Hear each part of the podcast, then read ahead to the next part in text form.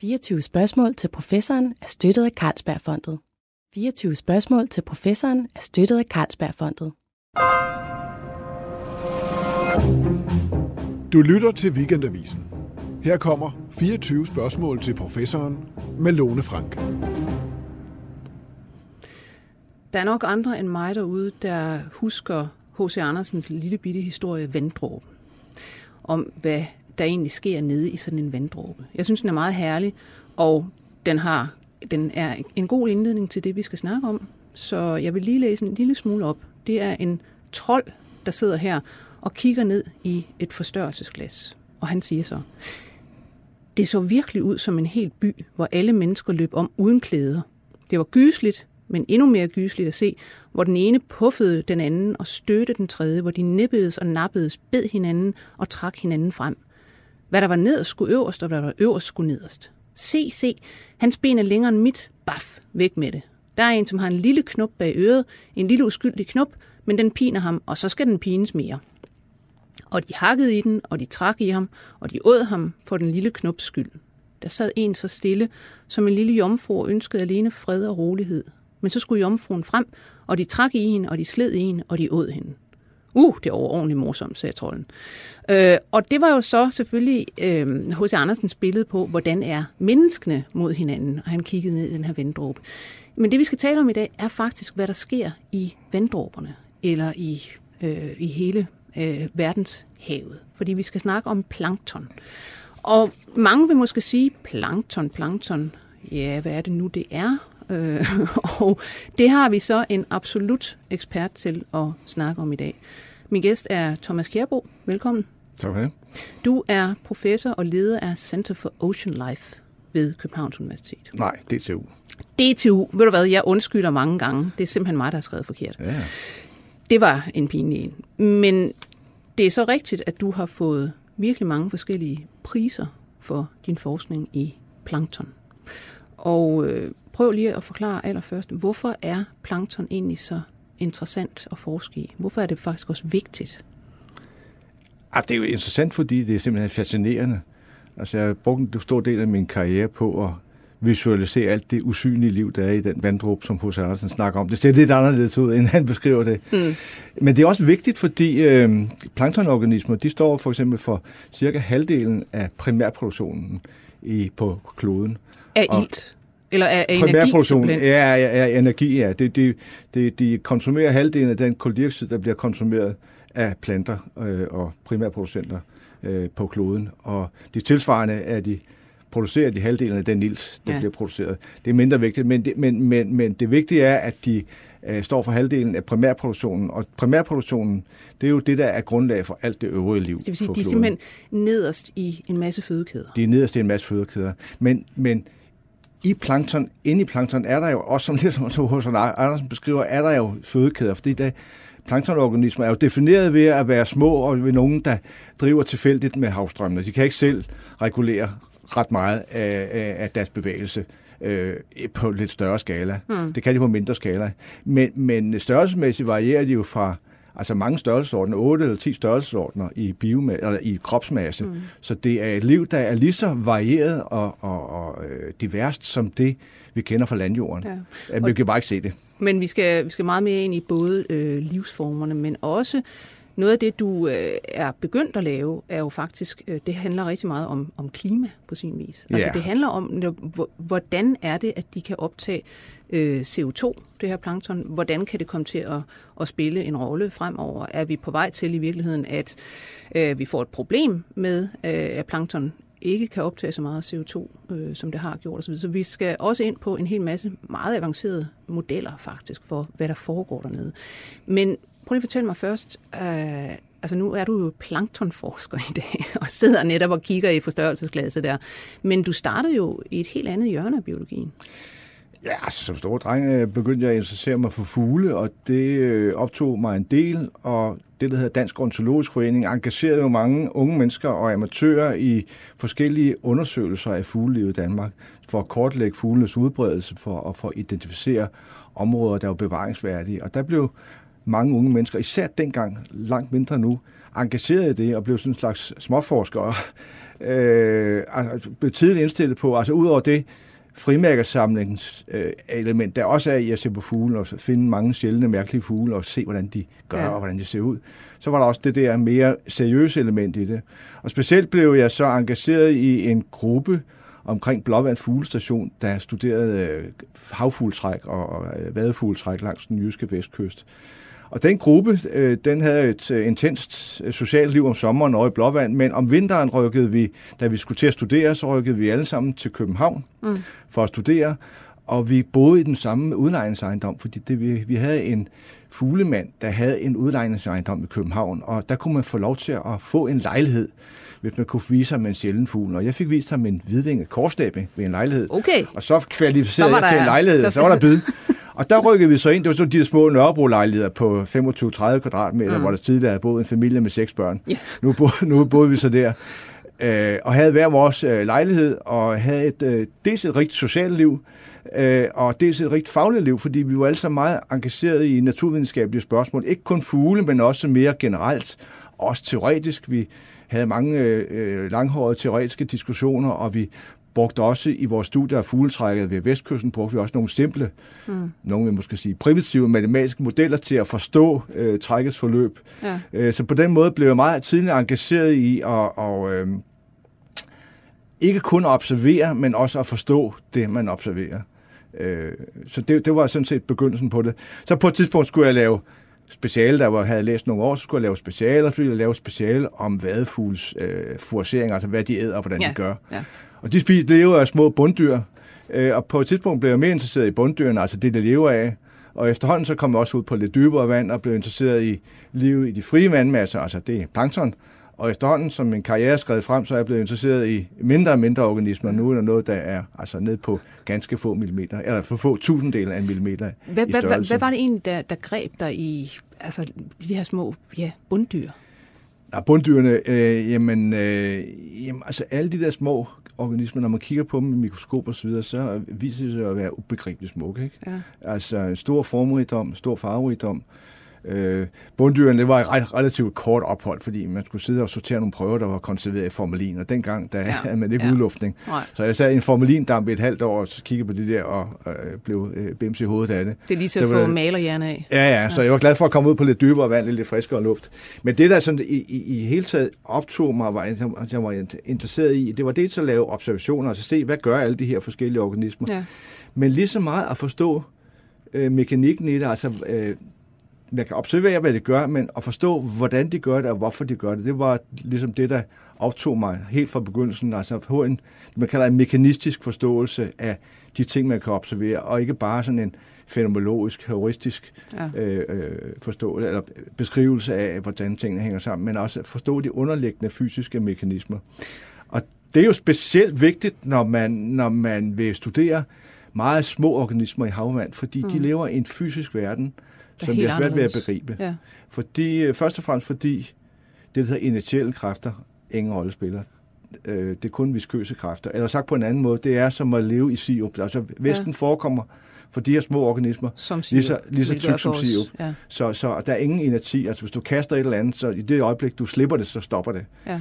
Øh, og det gør, at vi har svært ved at forstå vores observationer, ved hjælp af vores intuition. Vi kan forstå sådan på en eller anden måde, hvordan en fugl flyver, men vi kan ikke nødvendigvis forstå, hvordan de her små organismer øh, bevæger sig og, og, og, øh, og gebærer sig og, og gør det, som alle skal, nemlig at formere sig og overleve og få noget at spise. Øh, men det godt, at de, de har selvfølgelig de samme opgaver, så at sige, darwinistiske opgaver som andre organismer, ja. øh, men, men, men de, de materialiserer sig på en måde, som er forskellig, øh, og som vi ikke umiddelbart kan forstå. Og derfor der er det nødvendigt at trække på formel væskefysik og diffusionsfysik for at forstå, øh, hvordan det her foregår. Mm. Og det bliver jeg tidligt interesseret i. Men hvis vi, hvis vi zoomer lidt ud ja. og prøver at øh, give en, en forklaring på, hvad er plankton egentlig? Altså vi har både planteplankton, vi har dyreplankton. Hvad er det for nogle organismer? Og, og hvordan er det, de, de laver, hvad skal man sige, eller danner bunden i fødekæder og økologiske systemer? Altså, grundlaget for alt liv her er jo planteplanktonet. Altså, det vil sige øh, ekvivalenterne til planterne på havjorden. Øh, hvor vi har træer og buske og græs og så videre, så er alle primærproducenterne, teknisk set er det planter, men formelt set er det noget lidt andet. Men det er jo lige meget. Teknisk set kan vi godt kalde det planter. De er jo alle sammen indcellede og små. Altså de måler nogle få øh, tusindel af en millimeter i størrelse. Øh, og det er jo grund, de laver fotosyntese, det vil sige, de fanger sollys og opsamler uorganisk kulstof i form af koldioxid og næringsstoffer, og laver fotosyntese og danner på den måde organisk stof, som er grundlaget for alt det øvrige liv. Ja. En del af det lægger ud af algerne øh, og optages af bakterier, og så får man en bakteriel fødekæde, der er mm. baseret på det. Andre spises direkte af små, måske indcellede flagellater, øh, som spises af nogen, der er lidt større, og som spises af nogen, der er lidt større igen. Og på den måde får man en kaskade af energi og stof fra de meget, for meget små organismer Til op til større og større og større Ja. organismer. Og det er en væsentlig forskel faktisk fra fødekæderne og økosystemerne i havet, at de på, er på landjorden, tænker ja, på, land, er ja, undskyld, ja, på landjorden, at de er størrelsesorganiserede. Og det er simpelthen fordi, at planterne i havet konsistent er mikroskopisk og små. Planterne på landjorden er, har jo alle størrelser, Ja. og derfor er dem, der spiser dem, også af alle størrelser. Vi kan have en, en ko og så videre, ikke, der spærer, som, som, som spiser græs. Men, men øh, fødekæderne i, og økosystemerne i havet er meget mere størrelsesorganiseret, mm. og derfor gør det også nemmere, når, man, når vi senere kommer til at snakke om, hvordan man kan modellere det. Ja. Der er nogle principper der, der gør tingene øh, lidt enklere. Hvornår har man egentlig fået øjnene op for, at øh, det, der foregår i havet på det her mikroskopiske niveau, er virkelig, virkelig vigtigt? Ah, men det har man jo haft øh, øh, længe. Man har jo længe øh, vidst, at øh, jeg mener, men, altså, man har jo drevet fiskeri og så videre, og været klar over, at øh, Fisken skulle leve af noget. At fisken skulle leve af noget og så videre, ikke? Øh, og at det noget også var i vid udstrækning øh, øh, plankton i den sidste ende, altså planktonalger i den sidste ende. Så Ja. det har man vidst i flere århundreder. Øh, men det er blevet tiltagende, is- især i de her klimatider, øh, er det blevet tiltagende interessant at studere plankton fordi, og, og, og omsætning i havet, fordi det bestiller, spiller så stor en rolle for øh, klodens øh, kulstofregnskab og dermed for vores globale klima. Så derfor er studiet af plankton blevet intensiveret. Ja. Men det er også udfordrende at studere plankton, fordi det jo er usynligt. Det er, alt det usynlige liv, som, som vi ikke... Øh, vi kan ikke se det, og det er der flere grunde til, at vi ikke kan se det. Dels er det småt, dels lever det nede under havoverfladen, hvor vi jo ikke har nogen øh, sådan naturlig adgang til, at vi kan svømme lidt rundt, men vi kan ikke se det. Altså, hvor, hvor dybt går plankton egentlig ned? Altså, øh, det går sådan set helt ned til havbunden, men langt det meste plankton lever i det øverste cirka 100 meter, hvor der er lys. Ja. Øh, fordi det er jo, Det skal jo det ligesom planteplankton allerlys. skal jo Ja. have, skal have lys for, for at vokse. Øh, men der er meget af det, der synker ud af vandsøjlen og lander på havbunden. Altså havbundens dyreliv er jo i sidste ende også fodret af den primærproduktion, der sker i de øverste øh, 100 meter af vandsøjlen. Så selv det liv, der er nede på altså flere kilometers dybde, beror jo på det, der foregår i de øverste cirka 100 meter øh, af vandsøjlen. Ja. Men øhm, du har jo siddet i virkeligheden i mange år, altså, og som du selv siger, nørdet meget med, Hmm. med de her organismer, altså, og, og interesseret dig for selve organismerne, og været fascineret af, jamen, de ser ekstremt mærkeligt ud, og, og så videre, og så videre. Øhm, prøv at fortælle om, om hvad skal man sige, nogle, er der nogle særligt interessante planktonarter, som du virkelig godt kan lide, om jeg så må sige? Altså, jeg har jo en stor del af min karriere studeret øh, kopoder, eller vandlopper, som de også hedder mm. på dansk. Ikke at forlægse med tanglopper. Nej. vandlopper. Og det er, øh, de er fascinerende af mange grunde. Øh, Blandt andet så er det de, øh, de mest almindelige flercellede dyr på kloden. Altså den gruppe af de mest almindelige flercellede organismer Vandloppen. på kloden. Vandlopperne. Der. Ja, kopoderne. Ja. De spiller en central rolle i fødekæderne. Øh, og det fascinerende ved dem er, at de alle sammen ser ens ud. De er alle sammen bygget mm. på samme måde. De er næsten ens. Der er selvfølgelig nogle af, afvigende arter, nogle der er parasitiske osv., men dem, der lever i de frie vandmasser, er bygget ens. De det ligner, ligner sådan en lille, nærmest en lille bitte reje, der sådan er, Ja. er, sidder på sin, øh, sin flade og, og har Ja. ja. nogle ben stikkende ud. Ja. Sådan fra sig. Det er jo et krebsdyr, faktisk. Ja. Ja. De måler ned til en, en, altså en 10 millimeter. Øh, altså meget mindre end rejer, men det er et krebsdyr, ligesom rejer, og mm. har hudskifter osv., ligesom rejer. Og øh, ligesom rejer, så skal de jo øh, formere sig, og øh, det er en af de ting, jeg har været meget fascineret af at studere deres... Øh, Altså tangloppens erotiske liv. Det er altså stadigvæk vandlopper. Nå, jeg Det vandt er ikke at forveksle Nej. med tanglopper. Nej, de er kedelige. Ja, nej, det vil jeg ikke sige, men det er nogle andre nogen. Øh, fordi det, de har jo kønnerformeringer, de, det vil sige, de skal parre sig. Ja. Øh, og øh, hvor ting på landjorden foregår i to dimensioner, så foregår det i havet jo i tre dimensioner. Og disse organismer er bitte små, øh, og afstanden til den nærmeste mage er nærmest uendelig. Og så hvis de bare svømmer rundt øh, tilfældigt, øh, så vil de aldrig ja. møde en, en, en mage, simpelthen. Så et spørgsmål har været, hvordan i alverden øh, kan de finde hinanden? Og øh, der kan man så, det, det, det vi så gjorde simpelthen, det var, at vi tog nogle hanner og nogle hunder og stoppede ned i et lille akvarium, så filmede vi løs. Og det man så ser ind imellem, det er, at øh, pludselig er der nogen af individerne, der går øh, amok og virvler rundt og så videre, og ender med at så ramle ind i en hund. Ja. Og øh, det, der viser sig, det er, at vi, havde, vi kiggede på det med to kameraer, der var organiseret vinkelret på hinanden, så vi efterfølgende kunne rekonstruere i tre dimensioner, hvad der skete. Og det, der sker, det er, at hunden svømmer glad afsted, øh, og der kommer en han øh, svømmende igennem vandet, og i det, den finder hendes gamle spor, så kan han, er han i stand til at følge sporet hele vejen op til hunden. Okay. Det er det, man kan observere, og det går lynhurtigt.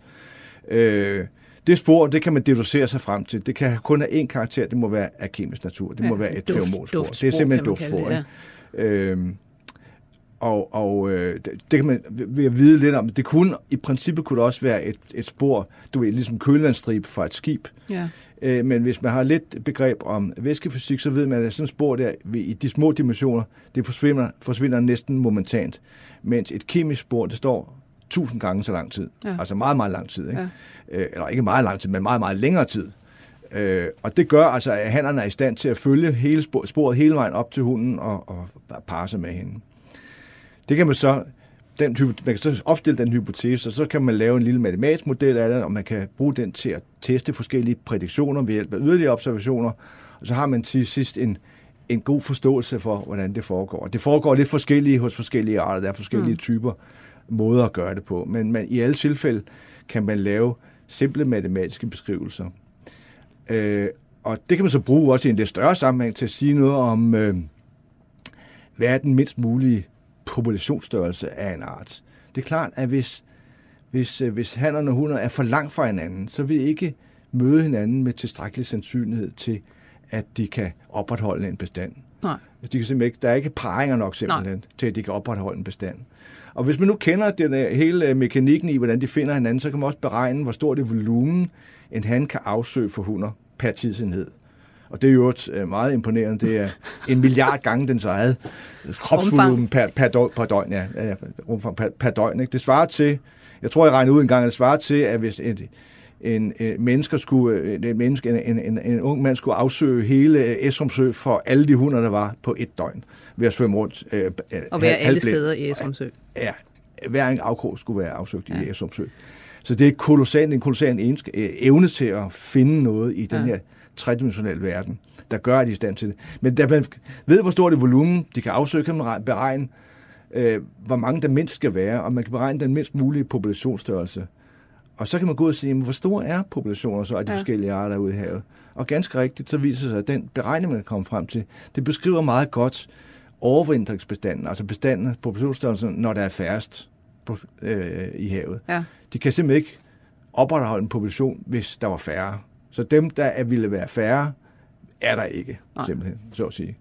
Og man kan også bruge til at sige noget om øh, invasive arter. Altså, du kan forestille dig, hvis du har med ballastvand, der bliver flyttet rundt ja, på, der bliver på organismer, der bliver flyttet rundt på det hele tiden. Og hvis de så bliver lukket ud i et, et andet miljø, jamen, så kan det ikke nytte noget, at der er kun er én en organisme. Det skal være minimum være to, og det skal også helst være nogle flere, men de her morfoditter, ja. for at kunne finde hinanden. Og det er det, man kalder ali-effekten. Altså hvis der er for få, så uddør bestanden. Og det gør, at nogle arter, og især dem, der er gode til at finde hinanden, ja. de er mere øh, aggressive øh, øh som invasive, altså, arter. som invasive arter. Har man egentlig øh. nogle eksempler i, i øjeblikket, hvor man kan se, at der sker noget med planktonbestande på grund af invasive arter og skibe, der hælder ja. deres øh, vand ud forskellige steder. Altså, altså sker ja. der noget alvorligt, ligesom man tænker på Australien og katte og alle fuglene, der bliver et og så videre. Ja, ja, ja. ja altså der, er, der, der er jo jævnt hen øh, invasive arter, og det, det mest berømte nyere eksempel, det er jo den der såkaldte dræbergoble øh, som kommer, og som er en, en, det er ikke en vandmand, den er meget tæt beslægtet med vandmænd, og den, øh, Den blev første gang observeret øh, for en del år tilbage, nu kan jeg dårligt huske, det var i 80'erne eller 70'erne, 80'erne tror jeg, i Sortehavet. Ja. Og der kom der, og det blomster, de der ribbegobler, eller de der øh, dræbergobler blomstrede op, og med meget massiv forekomst. Og samtidig så kollapsede fiskeriet. Ja. Så man forbandt invasionen med fiskeriets kollaps. Det er ikke hele forklaringen, men der var noget om det. Og senere hen øh, fik vi så her øh, i 2000-tallet årene, fik vi i 2006 eller 2007, tror jeg, første gang observeret den samme goble i de danske farvande. Øh, og Oh, der har været flere efter, efter, efter han kommende invasioner af de der ribbegobler. Ja, det er en ribbegoble, men altså, vi kalder den... Hvor stor er sådan en? Jamen, de, øh, de starter med at være en, en, en, en tiendel millimeter som larver, og så bliver de op til, øh, de store individer kan blive måske op til 10 cm. Ja. Og de er meget grådige, og de kan rydde en fjord fuldstændig for, for dyreplankton, og dermed konkurrere med fiskelarver, det der var bekymringen. Og den der ribbegoble er jo øh, på top 100-listen over øh, farlige, om man så må sige, Organismer. øh, øh, invasive Ja. arter. Ja. Og den er en dygtig, øh, invasiv, den er dygtig til at invadere, fordi der er flere ting. Øhm, det ene er, at den er hermofrodit.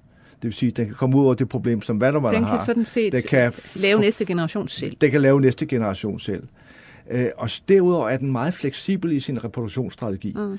Øh, altså, den kommer oprindeligt fra Nordamerika, og øh, der er der stor variation i, hvornår individerne begynder at, at, at, producere, at reproducere sig. Nogle begynder i meget lille alder, eller en lille størrelse, også en ung alder, og andre begynder i en meget sen alder og ved en stor størrelse. Det er altså forskellige strategier, der er blandet sammen Ja. i, i moderpopulationen. Men dem, der kommer herover, de bliver så at sige filtreret. Så der er det dem, der er gode til at, at, at reproducere sig. Det vil sige, at de skal reproducere sig i en tidlig alder og en lille størrelse. Det er den optimale strategi for at invadere et nyt område. Og der er en helt klar forskel i reproduktionsstrategien i dem, der ender med at invadere i Europa i forhold til moderbestandene. Så det, der gør, at øh, den der fleksibilitet gør, at at dræbergoblen er en uhyre effektiv øh, art til at invadere andre områder. Ja, den, den, er, den er lidt uhyggelig at høre om. Jeg synes også nogle gange, man, man har set, jeg ved så ikke, om det er den, eller der er jo, der er jo andre gobler andre steder, ja. Ja. der ligesom, pludselig så har man nogle steder, hvor man vader simpelthen rundt ja. Ja. i gobler ja. Ja. eller vandmænd, og, og ja. Ja. altså man, der er forskere, der begynder at, kigge på, kan vi, kan vi bruge dem til noget? Altså, kan vi bruge dem til et eller andet på Ja, landjorden?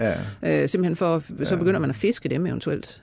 Ja, jeg tror ikke, altså, der, okay, japanerne spiser vist en tørret goble, men jeg tror ikke, det er så øh, hverken næringsrigt eller spændende at spise. Jeg tror ikke, der er den store anmeldelse af det. Det er, at, Man bruger til gødning, ja, eventuelt. ja, men det er jo mest Okay. øh, salt og vand jo. Det er det, Ja. der er problemet. Ikke? Det er store mængder, man skal flytte rundt på for at få et meget lille udbytte. Jeg ved ikke, om der er nogen, der har forsøgt at bruge det til gødning, men man får jo saltet med, og det er jo et, selvfølgelig et problem. Øh, jeg tror, det er mest et problem i relation til at relation til fiskeri, altså hvis, hvis, de, eksempel, hvis der er så mange, at de stopper fiskenet og så videre, er det et problem. Mm. Og så er det et problem i relation til øh, turisme, altså bade, badegæster. og fordi det, nogle, af, dem- nogle af arterne er jo meget giftige, altså Ja. kan brænde. Ja. Ikke dem, vi har hjemme. Vi har kender en brandmand, men altså, Den det er er jo dog- behageligt, men, men, Ja. men altså, man, over- man overlever. Hvor, hvor meget, øh, hvor stort et overblik, eller hvor godt overblik har vi over, hvad der sker i øjeblikket, hvis vi nu siger havene? Ja, Altså, vi snakker jo meget om biodiversitet på, på landjord, ja. Og at der er en, en kæmpe stor masseudryddelse i gang. Og, men hele tiden så hører man det der med, og, og havet ved vi egentlig meget, meget mindre om. ja. Og, og hvad, hvad sker der egentlig der? Altså har vi nogle øh, idéer om store bevægelser, der er ved at ske, blandt andet på grund af varmere klima? Ja, ja. Altså, ja, det har vi. Det, de, de, den type organismer, der er bedst kortlagt, det er jo fisk, fordi de har en øh, umiddelbar øh, kommersiel udnyttelse. Og det er selvfølgelig også det, der har en, en stor interesse for folk, at, mm. øh, at, øh, at fiskebestandene er, er, er, kan blive bevaret. Og der ved vi fra fisk, men også for alle mulige andre organismer, at der generelt, er en, en, en, en bevægelse, altså bestandene rykker mod polerne, Ja. fra ekvator mod polerne, i takt med, at, at, og det gør det både på landjorden øh, og i havet. Og, Simpelthen fordi de vil gerne have et bestemt klima, øh, nogle Temperatur, varmegrader, ja. og så jo varmere det bliver, der Ja. hvor de er, jamen så må de rykke mere nordpå. så rykker de nordpå Eller eller, sydpå. på den Ja. ja. sydlige hal, halvkugle. Det er selvfølgelig et problem for, for fiskeriet ved ekvator, hvor, Ja. hvor, hvor, hvor, hvor bestandene udtyndes, øh, fordi øh, fiskene forsvinder. Korallerne dør på grund af varme igen. Ja. Øh, altså det Bleaching. bleaching. Bleaching, ja. Øh, øh, og korallerne er jo også øh, opholdssted for en masse fisk, også kommercielt vigtige fisk, og i det hele taget for en stor artsrigdom. Ja. Så det, at korallerne dør, er et stort problem for øh, bevarelse af artsrigdom, og også for, for opretholdelse af et, af, af et fiskeri i de der øh, lande, som er, tit er meget afhængige af, af fiskeri. Fattige lande, som er stærkt afhængige af et fiskeri. Øh, det, er det, der, det er dem, der er igen hårdt ja. påvirket. Men er man, er man begyndt at se zoner omkring ekvator, hvor man ligesom altså, har så lidt plankton, øh, at der simpelthen, øh, hvad skal man sige, snart ikke er noget tilbage? Altså? Nej, det tror jeg ikke. Det, altså, det, øh, altså plankton er jo også langt dårligere, altså langt dårligere kortlagt, fordi det er jo meget vanskeligere. Ja. Øh, altså fiskeri, der er, er jo åbenbart kommersiel interesse i at vide, hvad der er hvor plankton er det ikke nær så åbenbart. Vi har nogle programmer, internationale programmer, som især kører på den nordlige halvkugle. Og der er specielt et engelsk-britisk program, der har kørt siden øh, 40'erne, tror jeg. Øh, Continuous Plankton Recorder Survey, hvor man i tidens morgen har fundet på det meget geniale at lave et lille torpedo-instrument, hvor i der sidder en planktongase. Så når man trækker det gennem vandet, så filtreres vandet for planktonorganismer, og samtidig driver det en lille mølle, som, som, som øh, trækker gasen øh, afsted, sådan at man hele tiden øh, får et nyt gas eksponeret, og den gas, der er eksponeret, bliver så rullet ind og bliver konserveret automatisk i formalin. Altså meget, meget simpelt. Ja. Øh, men ret kan, smart. Men meget smart, ikke? Prøvetagning, ja. Ja, ja, fordi det kan man så spænde bagefter kommersielle fartøjer, ja. øh, ruteskib og så videre, og der er ikke nogen øh, nævneværdige omkostninger ved det ved selve prøvetagningen, og så sidder der folk i et laboratorium i England og klipper gasen i stykker og ser, hvad der er kommet på gasen. Så vi har simpelthen vi har overvåget planktonbestande ja. egentlig siden 40'erne? Ja, det har vi. Det er den, langt, langt den bedste og mest betydningsfulde tidsserie af, af, hvad der er sket i havet. Men den er selvfølgelig, de der ruter er jo selvfølgelig koncentreret i, i Nordatlanten, klart. Ja. Øh, men der er ruter over hele kloden. Der har også været andre programmer, og det kan man så bruge til at kigge på udbredelsen af arter og se, om de ændrer deres hvis man, hvis, øh, altså, Har du et overblik over, hvis, hvis du kigger på altså, siden 40'erne til nu, ja, ja. Altså, er der sket nogle interessante bevægelser? Ja, altså for eksempel, altså, i, for eksempel i Nordlanden er, er der rykket rundt på det hele, og øh, vi har øh, for nylig studeret, hvordan altså zooplankton bidrager til det, der hedder den, hvad hedder det, den biologiske pumpe, altså det, hvor er biologien sørger for at fjerne kuldioxid fra atmosfæren, og deponere det i dybhavet, ja. hvor det er ude af drift i lang tid. Det kalder man den biologiske pumpe. Og den er selvfølgelig meget vigtig i forståelsen af havets kulstofkredsløb. Ja, det, der sker, det er jo, at altså, de her organismer optager øh, koldioxid, bruger det til energiproduktion. Når de dør, falder de til, til bunds ja. og ligger der ja, og bliver efterhånden... Eller, eller de skider, og deres ja. Øh, fækaliepiller ja. øh, synker ret hurtigt til bunds. Ja. Øh, og der spiller kopoderne en stor rolle, og der har vi så lavet nogle beregninger ved hjælp af de, det her survey der, som har kørt i 40 år, og ved, kombineret med forskellige modeller, har vi kunnet kortlægge, hvordan den transport af organisk kulstof fra overfladen til bunden har ændret sig i løbet af de sidste 50 år. Og der viser det sig, at store områder, der er transporten blevet mindre, og andre områder er transporten blevet større. Hvordan, om den netto er blevet større eller mindre, det tør vi ikke sige noget om nu. Men vi kan i hvert fald se, at der er store forskydninger i løbet af den her 50 år, cirka 50 år periode. Og det kommer vi ja. vel til at se øh, meget mere af? Altså det kommer vi til, temperaturen helt, formentlig helt givet, Helt givet, fordi der er jo, hvis du kigger på, hvordan forskellige organismer og ikke kun arter, men også øh, organismetyper, og øh, det kommer vi måske lidt på senere. I stedet for at kigge på arter, så kigger vi på øh, individernes egenskaber, så hvordan fordelingen af egenskaber, individer med forskellige egenskaber, er fordelt i havet. Øh, men der kan vi se, at der, at der sker store forskydninger på grund af klimaforandringer. Ja. Antageligvis. Det er den mest logiske forklaring. Mm. Men det synes jeg netop, vi skal, vi skal gå til nu, det her med, at I jo sidder faktisk og laver nogle ret avancerede matematiske modeller ja. øh, for hvad sker der egentlig ja. i nogle af de her øh, altså nederste dele af, ja. af fødekæden. Ja. Og I gør det på en noget anden måde, end man har gjort før. Prøv at, at ja. fortælle lidt om, hvad, hvad er det ja. for nogle modeller? Hvad, hvad kan de øh, i forhold til, hvad man har kunnet? Det, det har vi stadigvæk til gode at se, se helt, hvad, hvad, hvad, om de, de kan foreløbig nogle af de samme ting, men forhåbentlig kan de også noget mere. Men hvad, vi kan spørge, starte med at spørge, hvad gør de, altså, hvad gør, som er anderledes? Og der er to ting, øh, øh, der er anderledes end det, man typisk gør. Den ene er, at vi vil gerne lave modellerne mekanistiske, altså bygge modellerne, hvor de forudsætninger, der går ind i modellen, er baseret på en forståelse af de underliggende fysiske mekanismer. Og lige præcis hvad det er, det kan jeg måske komme ind på lidt senere. Så det er den ene ting, vi gerne vil, fordi så, hvis vi forstår de underliggende mekanismer, så er vi også i stand til mere, meget mere robust at lave forudsigelser. Øh, og det, det er der især brug for nu her, fordi, hvor vi gerne vil forudsige situationer, som naturen ikke har oplevet før, altså ja. andre temperaturforhold ja. osv. Der er det vigtigt at forstå de underliggende mekanismer. Og der har man så typisk højere grad brugt, øh, hvad skal man sige, observeret sammenhængen, hvor man ikke nødvendigvis kender kausaliteten. Så det er den ene ting. Den anden ting er jo, at der er jo tusindvis af forskellige arter af organismer i havet. Og hvis man skal lave en model af fødekæderne i havet, så kan det hurtigt blive meget kompliceret, hvis man gerne vil øh, gribe noget af den øh, kompleksitet, der er i havet. Så bliver det hurtigt meget, meget kompliceret. Så har man lavet forskellige greb, men man har slået nogle arter sammen i nogle grupper osv., som kalder funktionelle grupper. Øh, og men, hvad, hvad betyder det egentlig? Altså, de, ja, det betyder, de har denne her funktion i økosystemet. Ja, for eksempel så siger man, at man har bare én gruppe, der hedder planktonalger, ja. uden at skelne mellem de mange forskellige typer, der er. Og, og det er måske noget, vi kommer ind på, der, der er en karakteristisk ting ved planktonalger i havet, mm. det er, at de både er dyr og planter. Ja.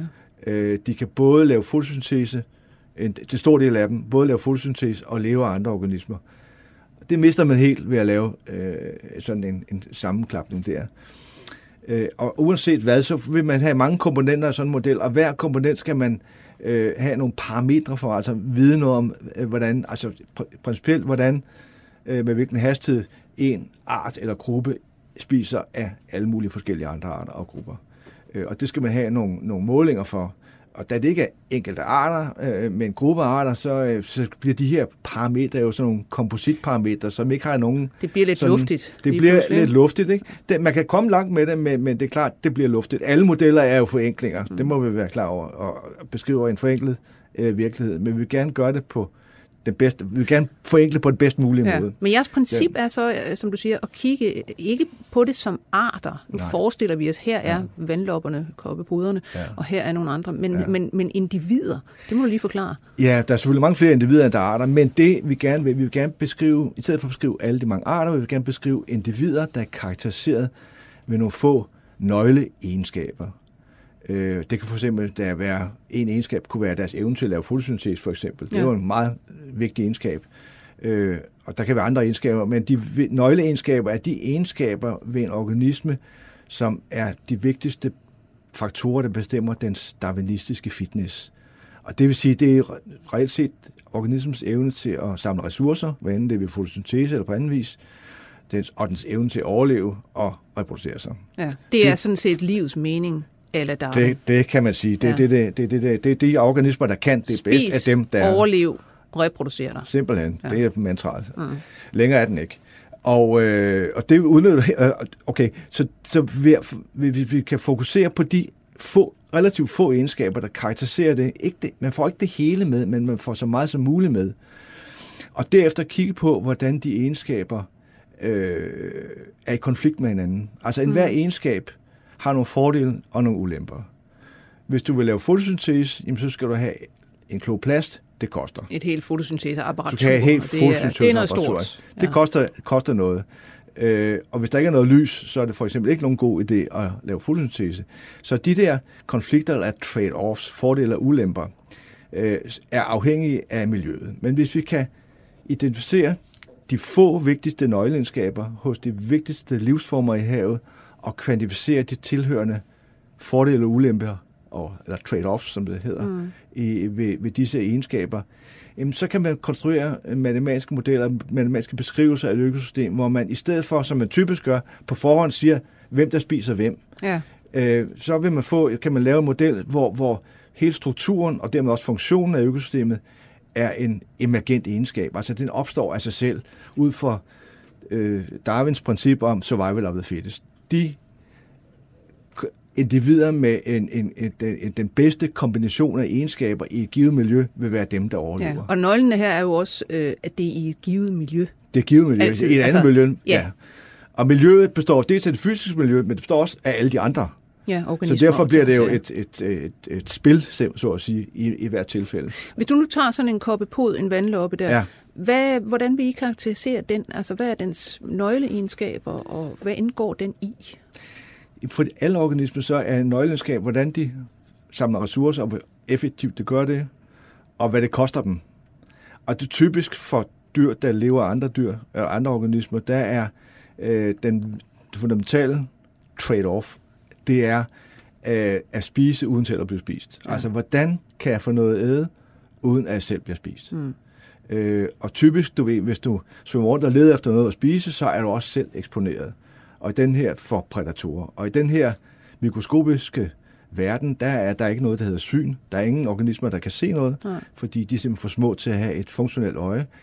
Der sanser organismerne hinanden og deres omgivelser ved hjælp af kemiske ke- kemiske signaler og ved hjælp af hydrodynamiske signaler. Mm. Så, Så de har en- femmerhår og sådan noget, der kan mærke. Ja, hårdt der stikker ud, som kan mærke bevægelser. Så, så en, en vandlåbe for at forcere, så skal den forcere på en måde, så den også har, det vi kalder stealth. Altså ligesom et... Den kan snige sig ind på ting. Den kan snige sig ind på ting. Ja. Og, og der, det skal den snige sig ind på ting, og det skal den opføre sig på en sig. måde, så den ikke selv bliver set af Ja. sine rovdyr. Og der, det har vi studeret i nøje detalje hos, både hos vandlopper og hos øh, flagellater, en- meget mindre organismer. Og der viser det sig meget forventeligt, at der er en trade-off her. Jo mere effektivt du er til at samle ressourcer, du lever af, jo større er også din risiko. Så der er altså... Øh, og det er jo ligesom... Altså, det er jo en helt fundamental trade-off. Men det, vi- kan her, det er at beskrive de ad, typer adfærd, der giver anledning til, at en organisme ligger, hvor den ligger på den linje mellem at være effektiv og leve livet farligt, leve stærkt dø ung, mm. eller omvendt øh, går og putter sig og ikke får så meget at spise. Og de to typer, det er jo, det er jo ekstremerne, men der er jo alle muligheder ind imellem. Det er jo det, der giver mangfoldigheden, at der er alle de muligheder ind imellem, som er bare beskrevet ved to egenskaber i det her tilfælde, eller to traits, øh, og Ja. den der trade-off. Øhm, og præcis sådan nogle trade-off bygger vi ind i vores modeller. Og i første omgang, så har vi prøvet at lave nogle modeller, hvor, som, hvor vi kan lave nogle forudsigelser, som vi kan teste mod observationer. Øh, og for eksempel så har vi lavet sådan, i stedet for at gamle dage, eller ikke gamle dage, stadigvæk taler man jo om arts biogeografi, altså hvordan de forskellige arter er udbredt på kloden. Så taler vi om trait biogeografi, altså hvordan egenskaber, eller individer med en, af bestemte egenskaber er fordelt Ja, ja, på, ja. kloden, på kloden. Ikke? Ja. Ja. Og det, det, øhm, det kan vi forudsige med de her modeller. Og det kan vi så teste mod observationer. Og ofte er det svært at få observationer nok øh, fra, fra det, der eksisterer i, i litteraturen og i rapporter osv. Men altså, det lykkedes os at lave en for, lave forudsige trade-biogeografier, der stemmer meget godt overens med det, vi kan observere. Og hvad viser de for eksempel? Jamen, det er måske ikke så vanvittigt interessant, hvad de viser. Øh, det, men det, altså, for et eksempel så viser det sig, at for eksempel zooplankton bliver størst, størst, er størst ved polerne og mindre nær ekvator. Men, men, men det, at vi kan øh, verificere i vis udstrækning vores modeller ved hjælp af observationer, gør, at vi kan stole på de forudsigelser, vi kan lave. Og det vi, de ty, to typer forudsigelser, vi gerne vil lave, eller de to typer egenskaber ved økosystemer, som vi gerne vil kvantificere og forstå, det er for det første deres evne til at producere fisk, Mm. og for det andet deres evne til at assimilere koldioxid fra atmosfæren, altså fjerne koldioxid Ja, ja, fra atmosfæren. Øhm, og hvis vi kan teste nogle af modellens forudsigelser på observationer, så kan vi bedre stole på de andre forudsigelser, vi kommer med, altså mm. hvor vi kvantificerer systemets evne til at fjerne koldioxid fra atmosfæren, for eksempel, ved, ved hjælp af den biologiske pumpe.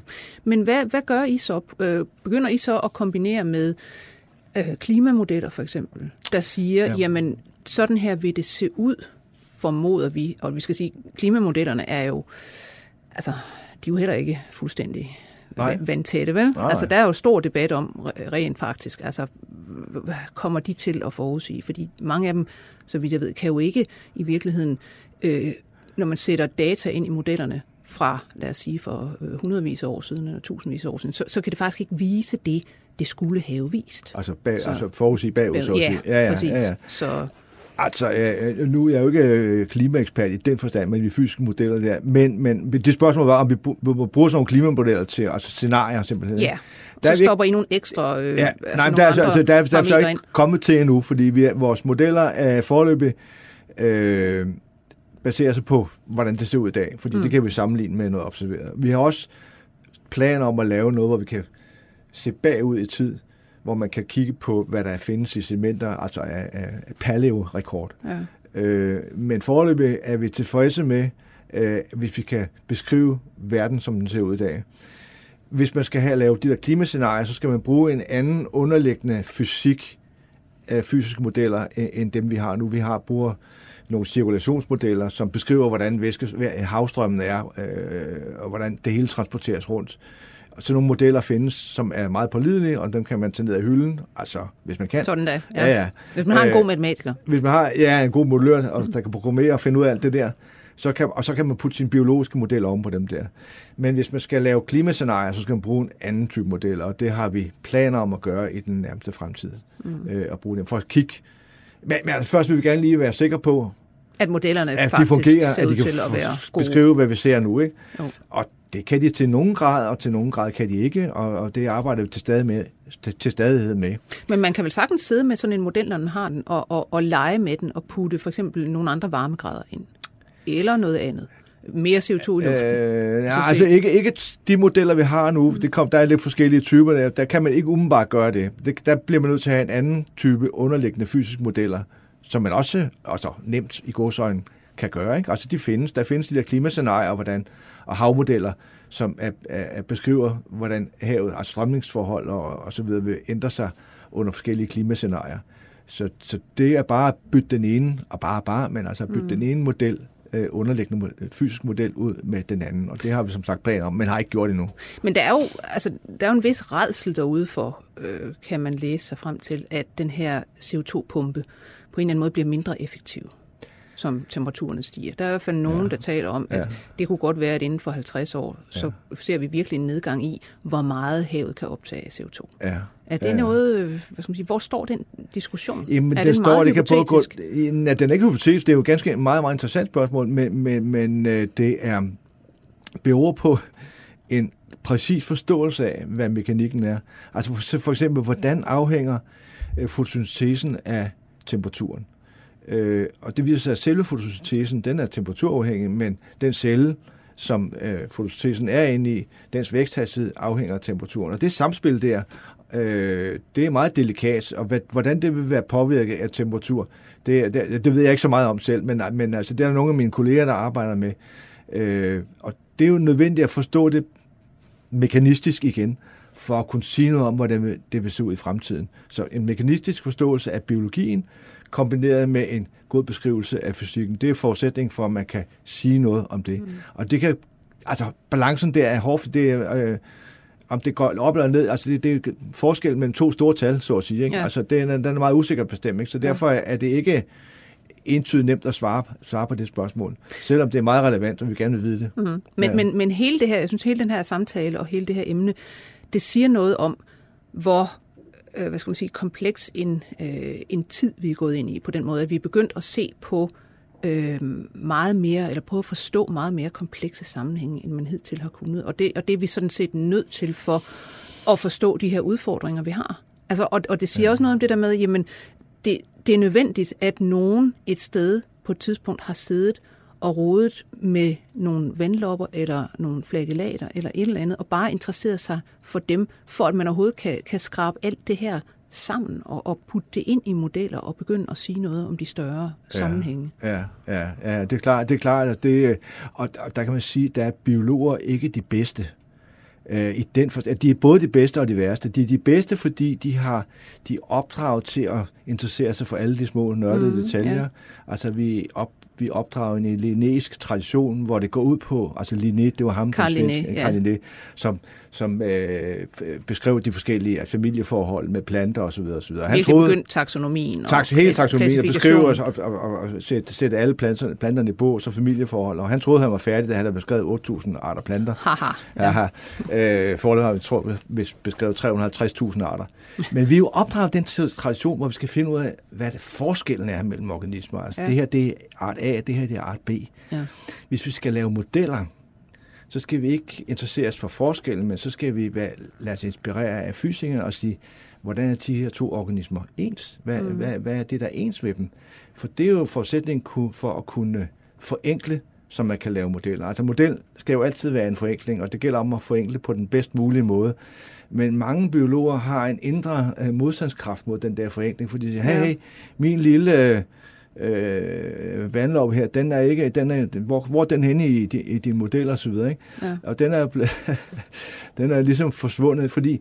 Øh, den er blevet men, til nogle egenskaber. Den er blevet til nogle egenskaber for det første, og, og, og nogle forenklede egenskaber, og øh, så det møder en, i nogle blandt nogle grupper en del modstand. Mm. Og samtidig der er den her forenkling, som vi prøver at foretage, den er jo baseret på nøje studier af alle detaljerne.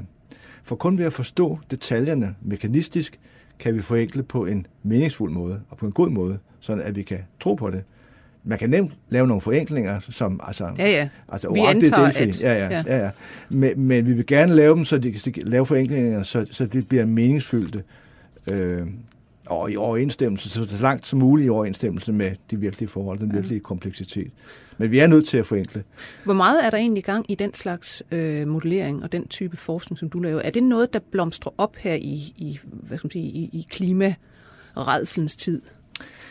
Ja, altså det der øh, trækbaseret, som vi kalder trade-based modellering, det er, er, er, er i tiltagen. Der er mange grupper, der er begyndt at interessere sig for det. Man har gjort det inden for den terrestriske botanik i lang tid. Ja, altså almindelige altså, planter på landjorden. Ja, lige præcis. Du ved, man, man, man, man, man, man skil, der hvor man har karakteriseret planter ved deres egenskaber, altså mm. sukulenter, altså dem der ligner kaktus. Det kan være alle mulige forskellige arter, men man kan alligevel ja. klassificere eller putte dem i en gruppe med en egenskab. Alle mine er sukulenter. Det er det nok nødt til at være. ja, for, for de er nemlig meget nemmere med at gøre. Ja, ja. Det skal ikke vendes ret meget. Ja, glemmerne. lige præcis. Den egenskab er nemlig, det er nøgleegenskaben for mig. Præcis, ja, ja. Så det er det. Og så er du ligeglad, hvad det er for nogle arter. Fuldstændig. Øh, der, det har man gjort længe inden for øh, botanikken, men det er meget nyere inden for, for i planktonforskningen. Øh, men, men det, er, det har altså stået på i en 10-15 år, og det, det bliver til, til stadighed øh, forbedret og forfinet og, øh, og, og, og udviklet af en række grupper. Vi har et en workshop hver andet år, hvor de forskellige folk, der er engageret i det, ikke dem alle sammen, men mange kommer, og der, der, der kommer flere og flere. Så, det er simpelthen planktonmafiaen, der ved der. Nej, det er ikke kun plankton, for det, det er, selvfølgelig er plankton langt det vigtigste. Det, alt det, vi ikke kan se, det er det, der, det er der, hvor, altså det er jo det der i havet, alt, alt det, det, der vigtigste. betyder noget, det er ja. det, vi ikke kan se, ikke? Øh, I hvert fald for kulstofomsætningen. Vi også, det, vi kan se, betyder også noget fisk. Så, men, så det, er ikke, det er ikke kun planktonfolk, men selvfølgelig domineret af planktonfolk, fordi der er jo, som, som jeg nævnte tidligere, at, at, at rigdom og altså størrelsesvariationen inden for det, vi kalder plankton, alt mm. det mikroskopiske, er jo lige så stort som inden for alt det, vi kan se. Ja. Så der er lige så stor en verden der, øh, gemt usynligt under havets overflade, ja. øh, som betyder noget, og som vi kan vi studere. Når I så sidder og, og studerer det her og laver modeller osv., så, videre, så tilbage til, til det her med, med den nørdede biologi. Ja. Finder I stadigvæk nye organismer, som er interessante på en eller anden måde, eller fascinerende? Øh, ja, det er, altså, jeg mener, de fleste, øh, der, øh, nu er jeg ikke selv øh, taksonom, men der, der er mange, der mener, at vi har jo kun skrabet overfladen i de mm. arter, vi har fundet. Og, så, og jeg har en student her, der lige har fundet en ny flagellat, tror vi det er. Vi ved ja. ikke endnu. Hun er lige i Barcelona for at få den, øh, få den molekylært identificeret. Ikke? Som i hvert fald er interessant og fascinerende. Den har en flagel, den er en lille bitte. Altså en lille hale, der pisker. En lille, en lille piskris. Men ja. normalt så er flagel, den vifter jo bare bagud og, og skubber organismen frem og tilbage. Ja. Den her er udformet som en lasso, som, som vifter genererer på den måde en strøm igennem lassoen, og den, der fanger den med lassoen, der fanger den så bakterier, som kommer faren igennem, igennem lassoen. Fantastisk. Så den er i hvert fald fascinerende. Du har Om, også identificeret på et tidspunkt øh, planktonets eller havets Lucky Luke. Når havets Lucky Luke, ja, ja. ja. Jamen, det er, jo, det er jo igen vores øh, kopoder her. Altså, grund, en af, der er flere grunde til, det er de mest succesfulde organismer i havet. Fordi vandluppen, de, ja, vandluppen, ja. fordi det er altså mest, øh, dem, der er flest af, simpelthen. Flest, flere organismer på kloden, faktisk. Øh, og det er de forskellige egenskaber, de har. En af de egenskaber, det er, at de er, er flugtmaskiner. Altså, de, mm. kan, de kan flygte fra et rovdyr med en kolossal hastighed. Øh, og øh, de kan også angribe bytte med en kolossal hastighed. Og grund til, at vi kalder dem havslokke luk, det er, at hvis sådan en vandluppe angriber et bytte, mm. som den har registreret, øh, så vil den, for, fordi vandet her er viskøst, altså tykflydende på den her skala her, sirup, sirup ikke? så vil, når sådan en organisme bevæger sig, så vil den flytte et, et tykt lag af vand med sig og skubbe bygget, byttet væk. Det er jo det der problem for de små organismer, at, ja. at på grund af viskositet, så er det meget vanskeligt at nærme sig en, en anden organisme, men skubbe det væk simpelthen, på ja. grund af den her kappe af klistret vand om, rundt omkring sig. Øh, men øh, når en vandlåbe angriber et bytte, så gør den det fra, fra stillstand. Det det, der den sidder simpelthen helt den sidder stille, i vandet, så den der venter, og så kommer der måske en lille flagellat øh, svømmende forbi, og den registrerer den, og så angriber den den. Ja. Øh, men det her viskøse grænselag, som det hedder, altså det klistrede vandlag, det eksisterer kun, når organismen bevæger sig. Mm. Og det starter med at opstå i det, den begynder at bevæge sig. Så vokser det fra overfladen af vandlommens krop ud i vandet. Og det tager en vis tid, som er bestemt af vandets viskositet. Det tager en vis tid, og pointen er så, at øh, ligesom Lucky Luke er hurtigere end sin egen skygge, skygge ja. så er vandloppen hurtigere end den tid, det tager for det viskøse grænselag at opbygges. Og derfor kan den springe helt hen til sit bytte og spise det, inden det når at blive skubbet væk. Af, ligesom sådan et slags ja. ormehul. Ja, altså. ja, ja, altså, det er virkelig, det er ja, ja. virkelig, virkelig ja, ja. besynderligt. Ikke? Altså, men det er igen ja. Øh, tilbage til det her ja. med, dernede, der lever de altså i sirup, og, ja. og, og man skal foretage alle mulige interessante fysiske beregninger ting og for at forstå det. Ja, ja, ja. Det der kunne jeg kun forstå, fordi vi, så, vi observerede det sagde, ja. hvad er nu det her? For det kan ja. jeg ikke lade sig gøre. Det har vi da lært. Det kan vi slå op i bogen. Det passer ikke. Øh, men så, altså jeg arbejder sammen med folk, der kan det der rigtigt. Ikke? Jeg kan det jo ikke rigtigt. Jeg kan bare stille spørgsmålene.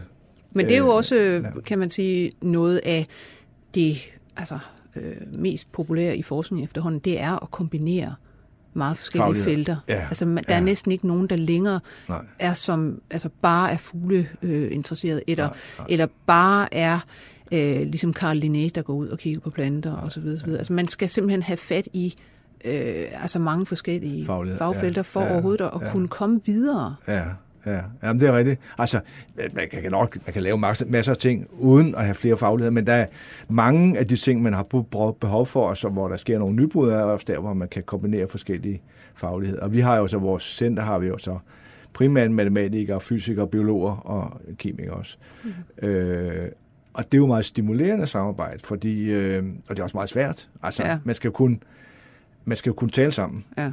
Øh, og vi får stadig nye phd studerende ind, der starter med at snakke sort for det meste af forsamlingen.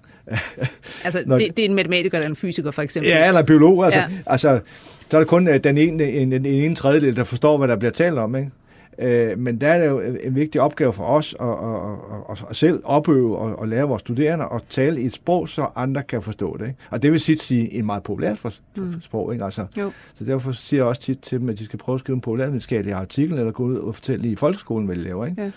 For det er næsten det samme, der skal til. For at formulere et problem, så en matematiker kan skrive ned på en formel. Der skal noget, der skal noget lidt mere til. Jeg ved ikke rigtig, jeg kan ikke sådan helt øh, beskrive, hvad det, er, hvad det er, men det skal man kunne, man skal kunne forstå matematikken ja. i et vis udstrækning. Ja. Man skal også kunne forstå fysikken til et vist niveau, for at kunne formulere spørgsmålene på så den rigtige måde. På dem. Så de kan svare på dem. Ja. Altså, du ved... Øh, hvad hedder, 24 spørgsmål til professor. Men jeg sagde mm. engang, at 20, mm. det, en tosse kan svare, stille flere, flere spørgsmål, end 20 professorer kan svare på. Ikke? Ja. så, så, så det gælder om at, at, at, at ikke stille tosse spørgsmål, men stille spørgsmål, som, som, som kan adresseres. Ja. Et velstillet spørgsmål hedder det i ja. matematikken simpelthen. Og man skal jo ja. for øvrigt også altså, vide rigtig, rigtig meget om sin egen faglighed for at ja. kunne stille intelligente spørgsmål. Ja, det skal man. Altså for at vide, ja, man. Ja, hvad er det egentlig, vi skal ja, gå i gang med her. Ja. Altså, hvad, hvad, for nogle, hvad for nogle spørgsmål går du og, og, og, og rumler med, sådan, du ved, når du bare går og tænker over, der er egentlig virkelig en gåde her, eller der er noget her, jeg ikke helt forstår, eller vi kunne virkelig godt klare at vide noget om det her? Øh, ja, lige, lige nu, det, det, det jeg tænkt på i går, hvis ja. skal så, så, så det var, vi, vi øh, en ny phd studerende skal starte, vi snakker om, at han skal prøve at studere ruer, du, du kender godt ruer, de der små hvide kalk-ting, der sidder på, ja. sten, på stranden, ikke? Jo. der sidder inde i, i virkeligheden et lille krebsdyr, ja. og så lukker skallen sig op, og så kommer den ud med sådan en, en mm. Man kan også se ruer på valer, de bliver til ja, netop, af ruer, Ja, ja, lige præcis, og de går forskellige steder, og der er mange ja. forskellige typer, ikke? Hvordan for, den har sådan en lille, det ligner en lille hånd, der kommer op og mm. pumper vand, så at sige. Hvordan fungerer det? Mm. Vi ved, at den lever af små zooplanktonorganismer, øh, og vi ved også, at de små zooplanktonorganismer er ekstremt følsomme over for væskeforstyrrelser mm. og er mm. meget, altså kopoder, ja. navplerne, deres afkom, ja. er meget effektiv også til at flygte. Hvordan kan den overhovedet, de der klodsede bevægelser, hvordan fungerer det? Kan den lave en væskestrøm, der på en eller anden måde øh, narre Fjenden. fjenden, eller byttet her i det her tilfælde. Ikke? Øh, så det har vi tænkt os, det vil vi prøve at studere. Det er jo totalt nørdet og formodentlig relativt, øh, hvad skal man sige, øh, nyttesløst. Sådan umiddelbart, Umiddelbart, ikke? Øh, men det er sådan en, en, en intellektuel udfordring, som det kunne være sjovt at, at, at, få, at, at kigge på. Hvordan Så i, det er det, alverden, der- hvordan i alverden studerer man overhovedet det? Hvordan begynder man at finde ud af, okay, den sidder der, ja. Den er så lille, den rækker Ja. sin hånd ud, Ja. der er måske noget med væskestrømmene. Ja. Hvordan i alverden forsker man i det, rent praktisk? Altså rent praktisk, så gør man det, at man filmer det først med et højhastighedskamera, fordi mange af de ting foregår, det er ikke så hurtigt, men mange af de ting, der foregår i plankton, er vanvittigt hurtigt. Man kan slet ikke, med det blotte øje, ser man ingenting. Det er bare... Mm. Så det skal man filme med højhastighedskamera og høj forstørrelse, altså i ja, mikroskop eller på anden vis. Og så kan man afspille ved langsom hastighed, så pludselig udfolder der sig en masse ting, som er øh, øh, overraskende, og mm. ja, der kan man se, hvad der foregår. Øhm, så har vi forskellige teknikker til at visualisere væskestrømmene. Altså i princippet er det meget enkelt. Man hælder små partikler i vandet, og så filmer man, hvordan partiklerne bevæger sig, og de beskriver så væskestrømningen. Ja. I princippet er det meget enkelt. I praksis er det selvfølgelig meget sværere. Ja, sådan er det gerne. Især når de bliver meget, meget små, ikke? og få my store, ja. Ja. fordi så er problemet, at de tracerpartikler, man putter i, Det er de store eller større. det, det, de, ja, de, de, altså, de skal være meget små, og så bliver der browske bevægelser. Altså, når, Når er molekyler mindre bare står og ja, frem og ja, tilbage. Det, ja, og så, så, så der er alle mulige praktiske udfordringer. Øh, men, men det har vi fundet ud af at løse i vid udstrækning. Øh, så derfor kan vi så beskrive den, de væskestrømninger. Det er vores plan, og se, hvordan det ser ud, og se, hvordan de fanger dem, og se, hvordan øh, byttet reagerer på det.